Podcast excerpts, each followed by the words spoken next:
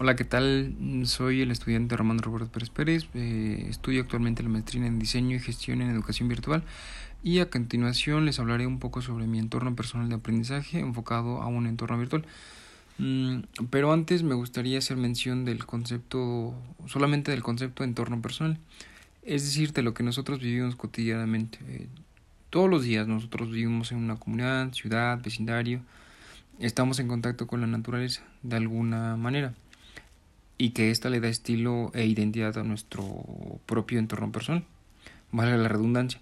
La forma de, relacionarnos con nuestra familia, amigos, compañeros de trabajo, eh, que nos proporcionan de alguna manera soporte emocional, la forma de movernos, ya sea en un vehículo personal, en transporte público para llegar a nuestras diferentes actividades, ya sea, eh, ya sea si nosotros vamos por un café o, o a dar clases, etcétera. Creo que estas a grandes rasgos eh, forman parte de nuestra identidad de entorno personal.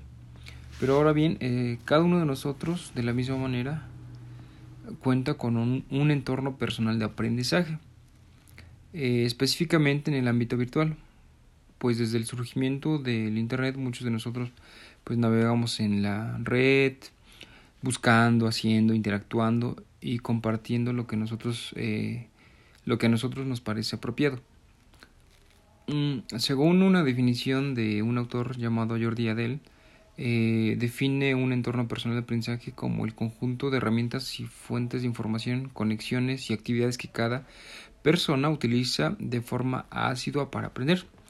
Bueno, eh, teniendo esto en cuenta como referencia, puedo compartir parte de mi entorno personal de aprendizaje, enfocado a la parte virtual.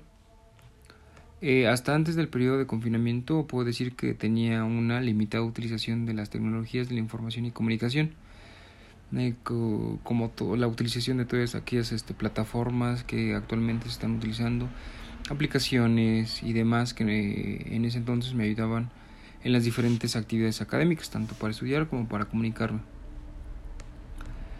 Mm, como bien menciono, en mi entorno personal de aprendizaje está compuesta asimismo de aquellos lugares donde obtengo información, donde hago, donde reflexiono y donde comparto todo aquello que he reflexionado y elaborado con personas que comparten eh, cierta afinidad. Eh, bueno, comenzaré por enlistar eh, todos aquellos sitios donde me informo, seguido de donde reflexiono, hago y finalmente eh, el medio por el cual yo las comparto. Eh, bueno, normalmente en la parte digital utilizo diferentes buscadores como Yahoo, Google y YouTube eh, y participo en redes sociales constantemente ya que este bueno a pesar de que hay mucha autopromoción también encuentro contenidos muy, muy valiosos si necesito entender algún procedimiento de alguna asignatura como matemáticas, eh, creo que mi lugar favorito es YouTube, eh, ya que pues por medio de, tutoriales puedo eh, entender bien el, el, el, paso a paso de cómo llegar a una solución. de la misma manera, este, tengo mucho tiempo, paso mucho tiempo tratando de identificar aquella información que es seria, verídica o comprobada. Después de realizar la selección de toda aquella información que creo que me es útil, procedo a analizarla nuevamente para solo ocupar lo que me es más útil. Eh, para esto utilizo diferentes herramientas que me ayudan a elaborar o hacer eh, contenido para mis alumnos en este caso porque pues soy docente de una telesecundaria.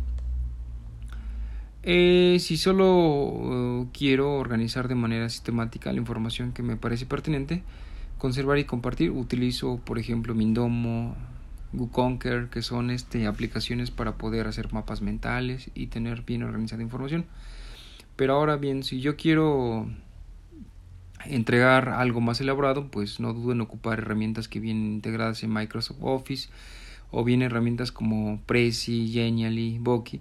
Después de esto, las herramientas que me ayudan a interactuar e intercambiar eh, la información ya reflexionada con mis alumnos o con las personas que en, algún momento determinado necesito este, compartirles información.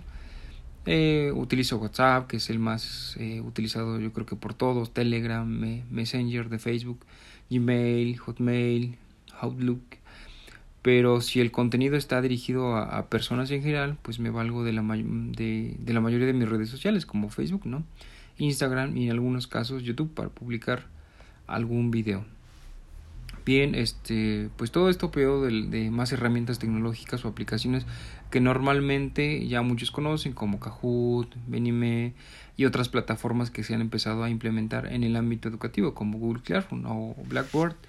Eh, bien, como pudieron observar, eh, de manera general he mencionado y escrito ciertos lugares y descrito, perdón, ciertos lugares intangibles donde busco, proceso y comparto información de mi interés personal digital.